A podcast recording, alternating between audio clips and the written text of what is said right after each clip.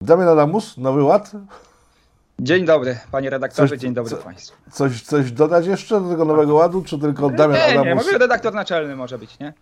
Dobrze, Szanowni Państwo, redaktor naczelny Nowego Ładu jest zaraz z nami. Tematem jest jego artykuł, który mnie zainteresował w ciągu ostatnich tygodni, e, mówiący o skutkach społecznych imigracji, gdyż słusznie redaktor naczelny Nowego Ładu zauważył, że imigracja to nie tylko pieniądze, to nie tylko miejsca pracy, e, zabierane lub oddawane, ale przede wszystkim ogromne skutki społeczne, o których nikt nie rozmawia. E, pan redaktor stwierdził, też odważnie, ale moim zdaniem e, uczciwie i tak faktycznie jest, że debatę publiczną w sprawie imigrantów e, kreuje lobbying e, firm, pracodawców, którzy potrzebują po prostu taniego zasilania swoich biznesów. E, i to jest ich interes krótkowzroczny, a długowzrocznie nikt na to nie patrzy. E, witam jeszcze raz i rozpocznijmy w takim razie. E, jakie zagrożenia niesie ze sobą emigracja, migracja, imigracja i przyjmowanie do kraju takich jak Polska masowo imigrantów? Pod pretekstem, może źle to jest, e, źle to jest powiedziane, ale bez e, patrzenia w przyszłość, e, tak na dekadę, dwie dekady, trzy dekady, cztery, bo jak sam Pan zauważył w swoim materiale, mowa jest o tym, że Polska, wielkie polskie imperium lechickie będzie miało wkrótce 50 milionów mieszkańców. Pytanie, czy Polaków? Tak, no, te skutki są wieloaspektowe. Wspomniał Pan tutaj o pozytywnym wpływie na, na gospodarkę, natomiast ja uważam, że ta imigracja masowa jest jak narkotyk dla gospodarki. Mianowicie e, krótkofalowo dostajemy takiego speeda, można powiedzieć, boosta. E, natomiast długofalowe skutki nie są tak oczywiste, jakby e, niektórzy chcieli przedstawiać. Mm, jednym z bodźców do można powiedzieć, takiego podnoszenia efektywności gospodarki do lepszego zarządzania e, zasobami jest e, po prostu ograniczoność tych zasobów, ograniczoność e, kapitału, ograniczoność, można powiedzieć, ziemi czy, czy pracowników. Więc pytanie, jak ta masowa imigracja wpływa długofalowo na polski model rozwojowy? Czy nie wspiera tego konkurowania tanią pracą? No, ten model rozwojowy Polski w ciągu ostatnich 30 lat opierał się przede wszystkim na dobrze, dobrze wykształconej, ale taniej, taniej, taniej sile roboczej. Pytanie, czy tutaj masowe sprowadzanie imigrantów nie cementuje tego modelu? Mówi się o tak zwanej pułapce średniego dochodu, średniego E, rozwoju, którą Polska powinna e, przeskoczyć, a powinna ją przeskoczyć inwestując w kapitałochłonne sposoby produkcji, w e, automatyzację, w różne innowacje. A no jeżeli mamy dostęp do taniej siły roboczej, to y, pracodawcom się nie opłaca y, w coś takiego inwestować. Najłatwo, najłatwiej zbiera się nisko wiszące owoce, więc jeżeli możemy konkurować prostymi sposobami, czyli w oparciu o tanią pracę, to po co mamy się głowić nad zmianą modelu biznesowego, nad zainwestowaniem w jakąś automatyzację, w różne innowacje. To jest taki aspekt ekonomiczny. Moim zdaniem właśnie ten bilans gospodarczy jest y, nieoczywisty. Mówi się też o emeryturach, tak, że tutaj imigranci wspierają ZUS, dzięki nim mamy kilka milion, tak, obecnie ponad milion więcej płatników składek ZUS-owskich. Natomiast no, to są ludzie, którzy uzyskują też uprawnienia tak, do tych emerytur. Więc to, że teraz e, ten milion e, obywateli innych krajów e, po prostu wpłaca te składki, oznacza, że za kilka, kilkanaście lat ci ludzie dostaną uprawnienia do tych emerytur i ta, ta dziura się po prostu jeszcze, jeszcze powiększy. Tak? No i z perspektywy Polski no nie wiem, ktoś ma 40 lat i przyjeżdża e, tutaj do Polski, 20 lat opłaca składki i dostaje emeryturę. E, przeciętny Polak wchodzi pewnie na rynek pracy w wieku 25 lat i ten jego, jego okres składkowy jest zdecydowanie dłuższy. Więc z perspektywy długoterminowej ZUS-owskiej e, czy systemu emerytalnego należy też się zastanowić, na ile to jest krótkowzroczne podejście, a na ile realne, realne wsparcie. Przechodząc... Twórcy tego systemu twierdzą, że nie ma czym się przełamać, gdyż ci ludzie przyjeżdżają tylko na chwilę, na kontrakty. E, słynna budowa Orlenu pod Płockiem to są ludzie zatrudnieni na czas tylko i wyłącznie budowy. E, przyjadą, zarobią dla nas pieniądze, zostawią pieniądze w budżecie i sobie pojadą. E, jak to wygląda w rzeczywistości?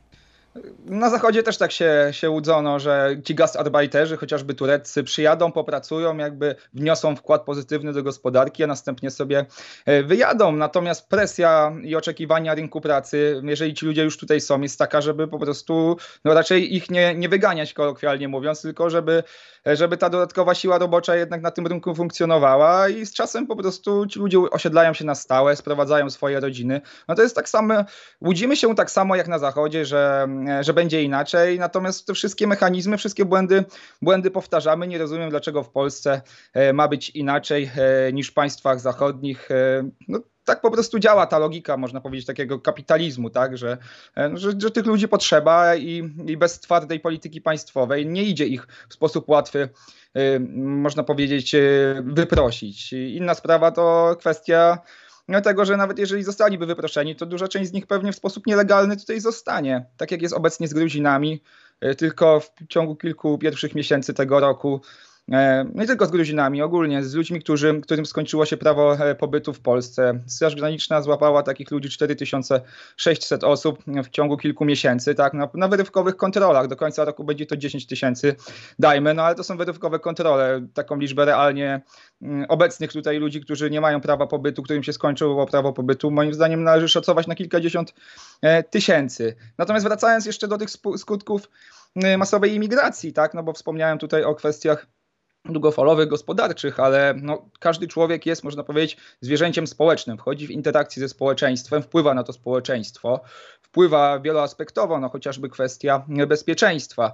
My niedawno przeprowadziliśmy e, takie badanie na reprezentatywnej próbie e, tysiąca osób gdzie no, zwłaszcza młodzi Polacy, którzy wchodzą w interakcję, wchodzą na miasto, piją piwo, jeżdżą taksówkami i tak dalej, widzą co się dzieje.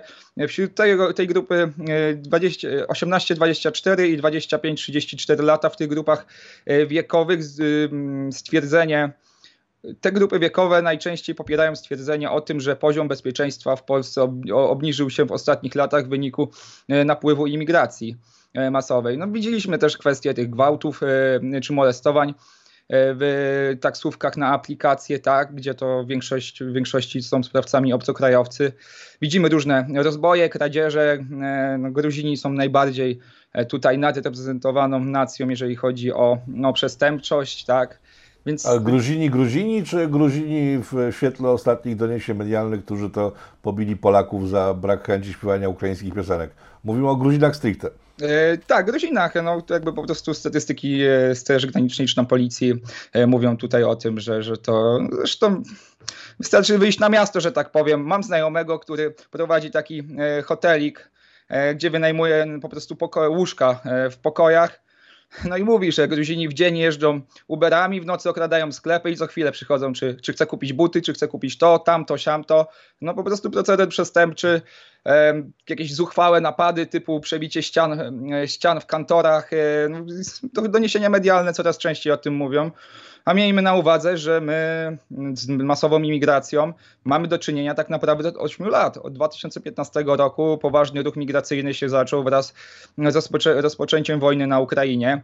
Także my w 8 lat po prostu przeszliśmy dosyć poważną i bardzo prędką ścieżkę. Mówi się o tym, że 7-8% e, ludzi e, mieszkających w Polsce to są obcokrajowcy. Co rok 1% wzrasta, tak? Od 8 lat de facto prowadzimy politykę masowej imigracji i co rok 1% e, więcej mieszkańców Polski to są obcokrajowcy. No w takim tempie za 15-20 lat nie wiem gdzie będziemy, natomiast jedziemy bez trzymanki i ktoś powinien o tym głośno powiedzieć i należy ten proceder jakoś zatrzymać, na pewno rozsądnie nim zarządzać i nie dać się e, lobbyingowi jednej grupy wąskiej społecznej, która nie uwzględnia tego, że e, imigracja ma skutki społeczne, Ci ludzie spiją śmietankę, zmaksymalizują, mówię o pracodawcach przykładowo, zmaksymalizują swoje zyski, zamkną się na swoich strzeżonych e, osiedlach i w podmiejskich domach, nie będą odczuwali społecznych skutków e, tego, co się, e, tego po prostu masowego sprowadzania imigrantów w postaci bezpieczeństwa, no i też dostępu na przykład do usług, usług publicznych, tak, no polskie usługi publiczne,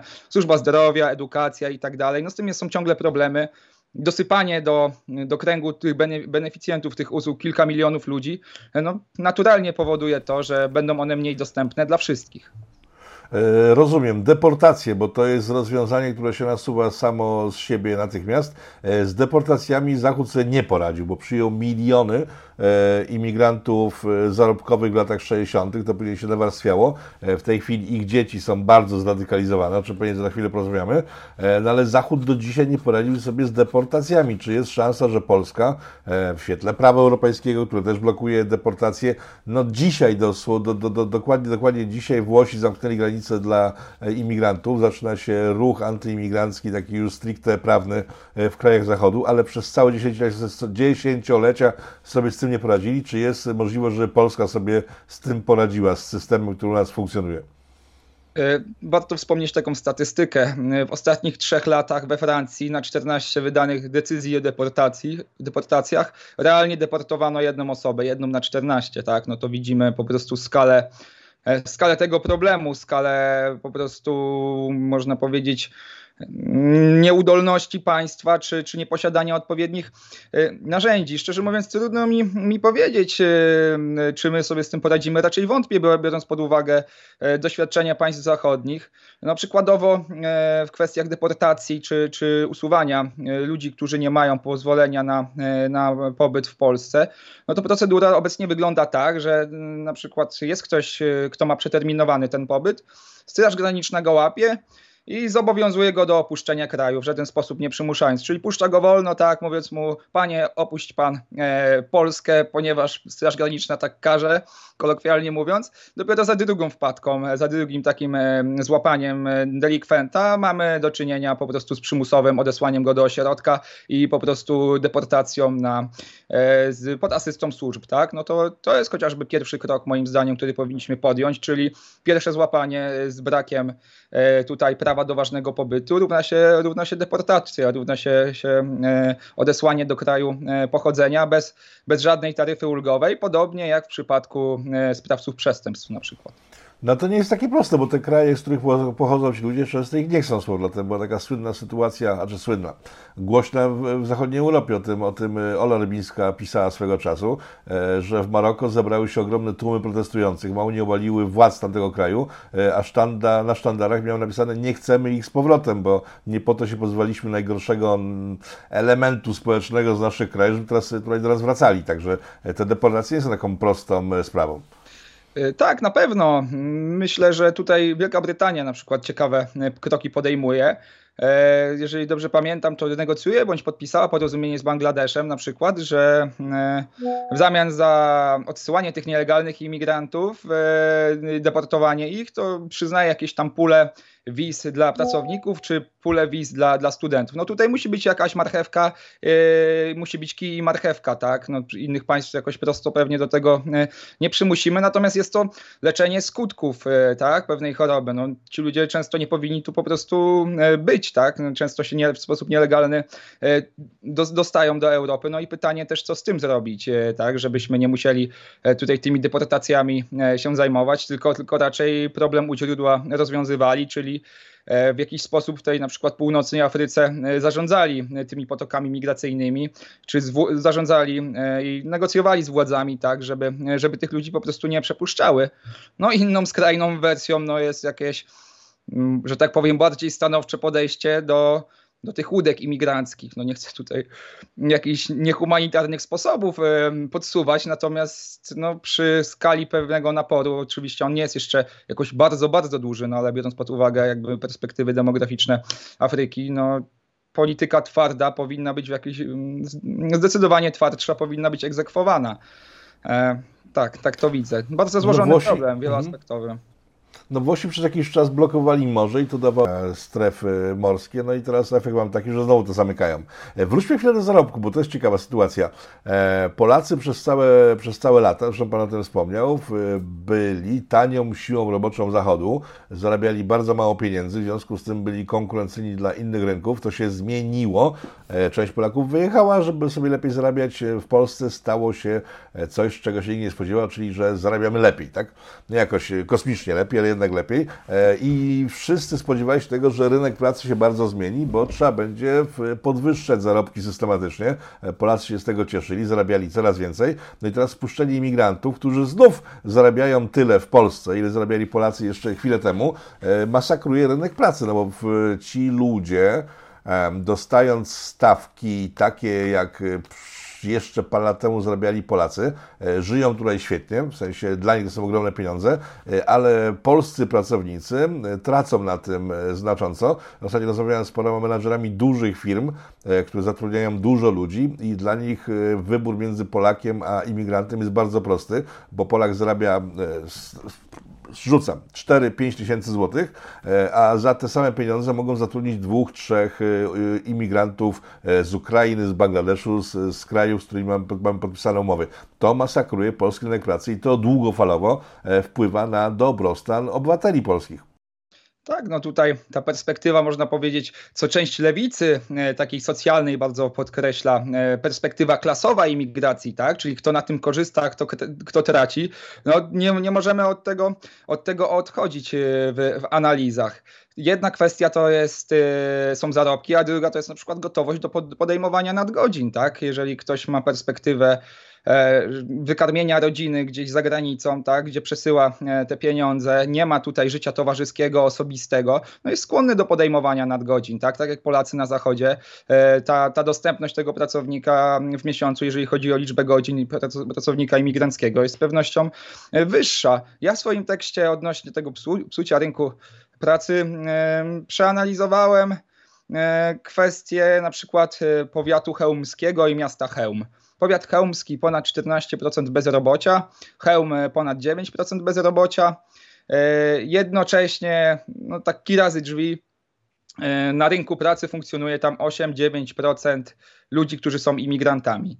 No pytanie, czy do takich powiatów, gdzie po prostu Polacy mają problem ze znalezieniem pracy, powinniśmy w ogóle kogokolwiek wpuszczać, tak? Zadbajmy na początku o siebie, zadbajmy o swoich pracowników, o ludzi, którzy, którzy tej pracy realnie, realnie szukają.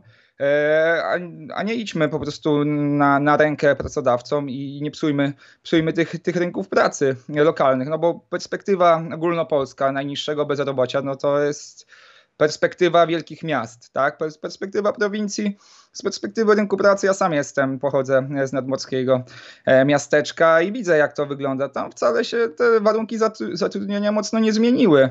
Oczywiście jest postęp, ale nie jest to jakoś mm, kolosalny postęp. Umowa o pracę dalej jest jakimś rarytasem. Płacenie pod stołem jest normalką. Niektórzy dalej pracują na czarno.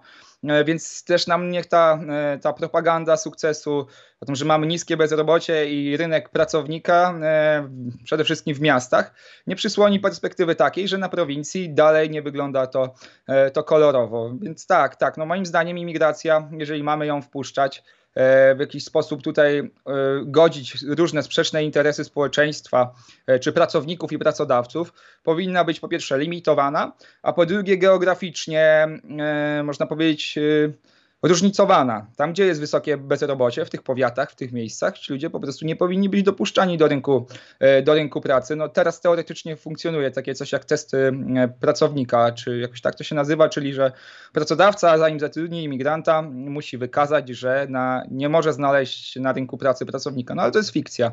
E, to jest fikcja, więc tutaj moim zdaniem kwestia tego, żebyśmy nie psuli lokalnych rynków pracy i dali możliwości rozwoju, rozwoju takiego zarobkowego e, obywatelom jest, jest bardzo ważna. E, postawię taką tezę. Jestem ciekaw Pańskiej odpowiedzi. Mam wrażenie, że polskie państwo chroni mafie imigranckie, e, bo z jednej strony urządza referendum, którym pyta imigrantów, czy ich wpuszczać, E, z drugiej strony samo zaprasza masowo legalnych pracowników, którzy mają do nas przyjechać z innych krajów, tego jest o wiele, o wiele więcej. Z trzeciej strony mamy sytuację na granicy z Białorusią, która ma już ponad dwa lata i przez te dwa lata państwo polskie nic nie zrobiło z grupą granica, ze wszystkimi tymi mafiami, które importują poprzez granicę białoruską pracowników do Polski i do, do państw zachodnich. Jak wytłumaczyć to, że z jednej strony państwo polskie robi referendum antyimigranckie, a z drugiej strony e, oficjalnie, nieoficjalnie pozwala na działanie e, mafii imigranckich na terenie Polski? Cóż, no myślę, że kwestia podejścia do imigracji e, obok Unii Europejskiej no tutaj mamy największy rozjazd retoryki z praktyką polityczną, tak? No przecież PiS doszedł na, do władzy też w dużej mierze na tej antyimigranckiej emocji z roku 2015, kiedy ta przymusowa relokacja e, z poziomu Unii Europejskiej się, się szykowała.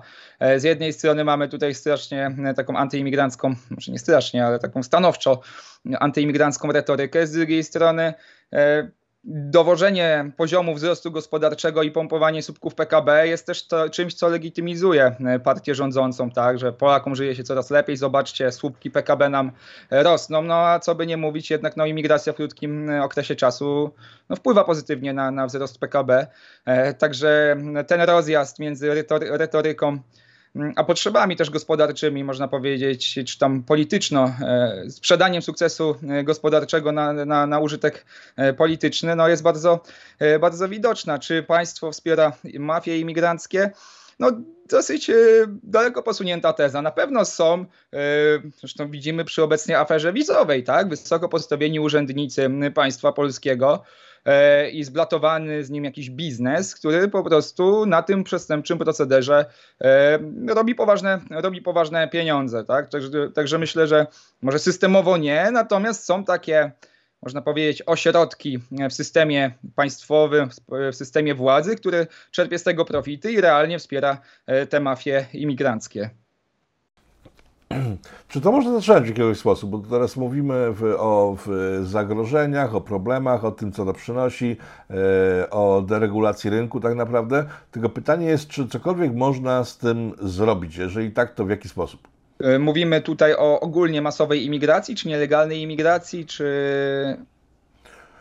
Mówimy o tych wszystkich zagrożeniach, o których Pan wspomniał teraz i w swoim tekście, z których, z których wynika, że Polska za te 20-30 lat będzie miała owszem 50 milionów mieszkańców, ale z tych 50 milionów może 20 będą, to będą Polacy. Tak? I teraz pytanie, czy możemy zatrzymać e, ten kierunek, którym no, nieuchronnie w tej chwili podążamy? No oczywiście, że możemy. tak. Na poziomie legalnej imigracji w ustawie jest nawet wpisany limit migracyjny, które, jeżeli dobrze pamiętam, Ministerstwo Spraw Wewnętrznych może po prostu wpisać, że rocznie przyjmujemy taką i taką kwotę imigrantów e, zarobkowych i, i, ani, ani, imigranta, ani imigranta więcej. Także jakby już mamy gotową chociażby ścieżkę prawną, tylko nikt tego po prostu nie podnosi, nikt tego e, limitu nie chce, nie chce wprowadzić. Cóż, no po prostu rozmawiajmy realnie o tym wszystkim, tak? Czy, czy korzyścią jest pompowanie słupków PKB? Można powiedzieć, że jak będzie 100 milionów Polaków, PKB będzie jeszcze większe, jak będzie 150, to będzie jeszcze większe, tak? Indie mają miliard e, obywateli, mają potężne PKB, ale jaki, na jakim poziomie żyją przeciętni obywatele? Nie chodzi o to, żeby PKB rosło, tylko żeby rosło PKB per capita, czyli PKB w przeliczeniu e, na mieszkańca, żeby efektywność i wydajność gospodarki e, rosła. Nie dajmy się po prostu takiemu kultowi cargo, tak? Że im więcej, tym lepiej, bo PKB nam rośnie.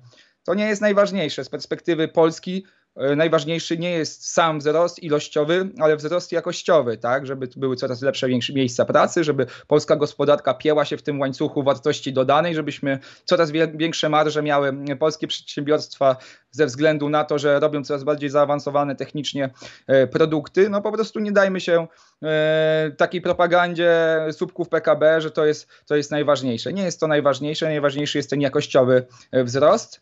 E, cóż, no, nie oszukujmy się, no, imigracja w, jakiś, w jakimś stopniu e, jest potrzebna, natomiast ona powinna być ściśle regulowana podziale moim zdaniem też na, na sektory, gdzie, gdzie ci imigranci e, napływają i mm, kwestia też dekoncentracji, można powiedzieć, osobowej, ponieważ w największych miastach mamy już ponad 20% prawdopodobnie imigrantów.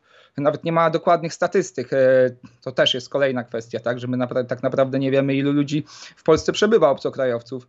E, więc, więc no, no 20-25% w największych miastach to budzi też, e, budzi, budzi na pewno też, też niepokój i E, no i w ten sposób powinniśmy tym jakimś racjonalnie zarządzać, ważąc interesy różnych stron, e, ważąc interesy różnych stron. Obecnie no, to wygląda tak, że naciskają rolnicy, naciska wielki kapitał, naciskają przedsiębiorcy, e, ZPP i tak dalej. Otwórzcie granice, potrzebujemy pracowników, potrzebujemy, potrzebujemy pracowników.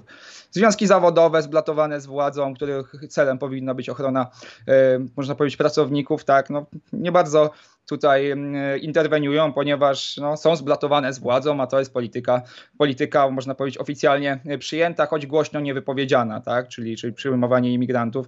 Więc no, potrzebujemy też tej strony społecznej w debacie, która powinna równoważyć to i mówić, jakie są zagrożenia, e, mówić o tym, że psujemy lokalne rynki pracy, mówi, mówić o tym, e, że długofalowo to niesie, niesie koszty różnego rodzaju, chociażby administracyjne, Pytanie na przykład, jak, jaki będzie poziom nauczania, e, poziom, e, można powiedzieć, poziom wiedzy, z jaką wyjdą polscy uczniowie e, ze szkół, w którym na przykład, czy z klas, gdzie mamy połowę dzieci z Ukrainy, które średnio mówią po polsku. I nauczyciel nie może realizować na przykład materiału i podstawy programowej zgodnie z pewnym harmonogramem ze względu na to, że są zapóźnienia językowe, co wpływa po prostu, no, ma przełożenie też na, na poziom edukacji takich kwestii, których się nie podnosi, po prostu często niewymiernych, których nie, nie, nie można liczbowo określić, tak jak e, liczy się dodatkowy tysiąc składki ZUS-owskiej do, do systemu emerytalnego, czy tam pół procenta PKB, czy jeden, czy ile, ile jak podbijają to e, imigranci swoją pracą. Takich niewymiernych kosztów jest bardzo wiele i tą analizę imigracji, kosztów e, i strat powinniśmy po prostu powinniśmy to robić i analizować szerzej niż tylko w oparciu o, o, proste liczby i proste wskaźniki, które nie oddają złożoności całego, całego problemu. No ale tak się nie dzieje, bo lobby pracodawców, no i tych wszystkich imigranckich y, mafii, tak to, tak, tak określę, ma główny głos w debacie publicznej. E, spytam na koniec o taki argument, który jest też rzucany często przy okazji tego typu tematów, tego dokładnie tematu. Nie ma się czym przejmować, bo przecież ci ludzie i tak uciekną do Niemiec, do Francji, a u nas nikt nie zostanie. Czy faktycznie tak będzie? Gdyby mieli uciec, to ludzie, którzy dostali wizę Schengen, już by uciekli, tak? No dlaczego mają uciec za 5 lat, a nie od razu? Polska wbrew pozorom jest coraz bardziej atrakcyjnym e, państwem e, i do życia ze względu właśnie na, na ten chociażby w miarę, w miarę wysoki poziom bezpieczeństwa, niezły poziom zarobków, zwłaszcza w metropoliach. Nie ma takiej dużej przepaści między e, Polską a, a Niemcami z perspektywy kogoś, kto, kto przyjeżdża często z krajów trzeciego świata i dla niego już jakby pobyt w Polsce to już jest 10 poziomów wyżej, jeżeli chodzi o no, chociażby bytowanie, tak, elementarne bytowanie, niż z kraju, który E, z którego przyjeżdża, więc ja bym nie był takim, takim optymistą, zwłaszcza, że no nie wiem, chociażby mówi się o tym, Niemcy podnoszą kwestię, żeby zamknąć granicę z Polską, czy jakoś ją regulować ze względu na przepływ tych ludzi. E, więc te, ten klimat imigracyjny i wolnych granic moim zdaniem będzie się kończył powoli wraz tym, jak będzie rósł opór społeczny e, też na Zachodzie wobec tego, co, co się dzieje. Więc uważam ten argument zachybiony. Oczywiście, że pewna część wyjedzie, natomiast nie będzie, nie będzie to jakoś decyduje, nie, nie będą to duże liczby moim zdaniem, nie będzie to istotny, istotny procent imigrantów, którzy tutaj do nas przyjeżdżają. Czyli reasumując nasze spotkanie, od lat nic się nie zmienia, zagrożenia są te same. E, miała być blokada granicy dla imigrantów, to nie nastąpiło. Wręcz odwrotnie, e, wpuściliśmy więcej niż Unia Europejska oczekiwała od nas w 2015 roku. E, zagrożeń nikt nie analizuje. Rządzi tematem mafia przedsiębiorców, skorumpowanych urzędników oraz e, przemytników i żadnego rozwiązania pozytywnego nie widać w tym całym systemie, który nas otacza. No, ja widzę, po prostu to jest, to jest zawsze decyzja polityczna, tak? To, to, to po prostu postawmy sobie, no, czy, czy chcemy mieć 5 wzrostu procent PKB, czy, czy chcemy mieć bezpieczne, be, bezpieczniej w kraju, tak? No po prostu to jest ważenie różnych, różnych racji. Z jednej strony mamy wzrost gospodarczy, z drugiej strony zachowanie pewnej spójności kulturowej, kulturowej Polski. Możemy pójść totalnie w jedną stronę i wpuścić tu 10 milionów ludzi, a możemy racjonalnie do tego podejść, wpuścić 50 y, tysięcy ludzi, możemy podejść skrajnie po prostu anty, może nie anty, ale skrajnie pro mm, tak, czyli wpuścić zero. To jest po prostu pewien suwak. I zastanówmy się na koniec dnia, co tworzy Polsce dobrobyt, tak, bo y, i to, że czujemy się w Polsce dobrze, bo to nie jest tylko kwestia y, ilości gotówki w kieszeni, ale to jest kwestia taka, czy wieczorem możesz sobie wyjść spokojnie ze swoją dziewczyną na miasto, na drinka i nie czuć się zagrożony, Brzmi abstrakcyjnie, no ale proszę pogadać e, z Francuzami chociażby. Ja będąc swego czasu, z 5 lat temu e, w Kolonii, e, rozmawiałem z ludźmi, Polakami, powiedzieli, oni nie wychodzą wieczorem na miasto, bo się boją, tak? No i zastanówmy się, czy, czy dla wzrostu PKB jesteśmy w stanie poświęcić coś takiego, tak? Czyli jakąś taką elementarny, elementarny spokój i poczucie, poczucie bezpieczeństwa. To są wszystko kwestie do, do wyważenia, no ale tu potrzeba pewnej odwagi politycznej i powiedzenia Polakom: OK, będziemy się wolniej rozwijać, ale za to nasz kraj będzie bezpieczniejszy. Być może dostaniecie e, mniejsze emerytury albo, zresztą, albo podwyższymy wiek emerytalny, co i tak się stanie, nie oszukujmy się. Jakby, tu, jakby imigracja też nie jest lekiem na, na problemy demograficzne, to jest tylko jakby odciąganie problemu w czasie, bo trend jest taki, że, że tego nie przeskoczymy. Możemy tylko e, trochę osłabiać e, skutki e, tego, tej, tej zapaści demograficznej.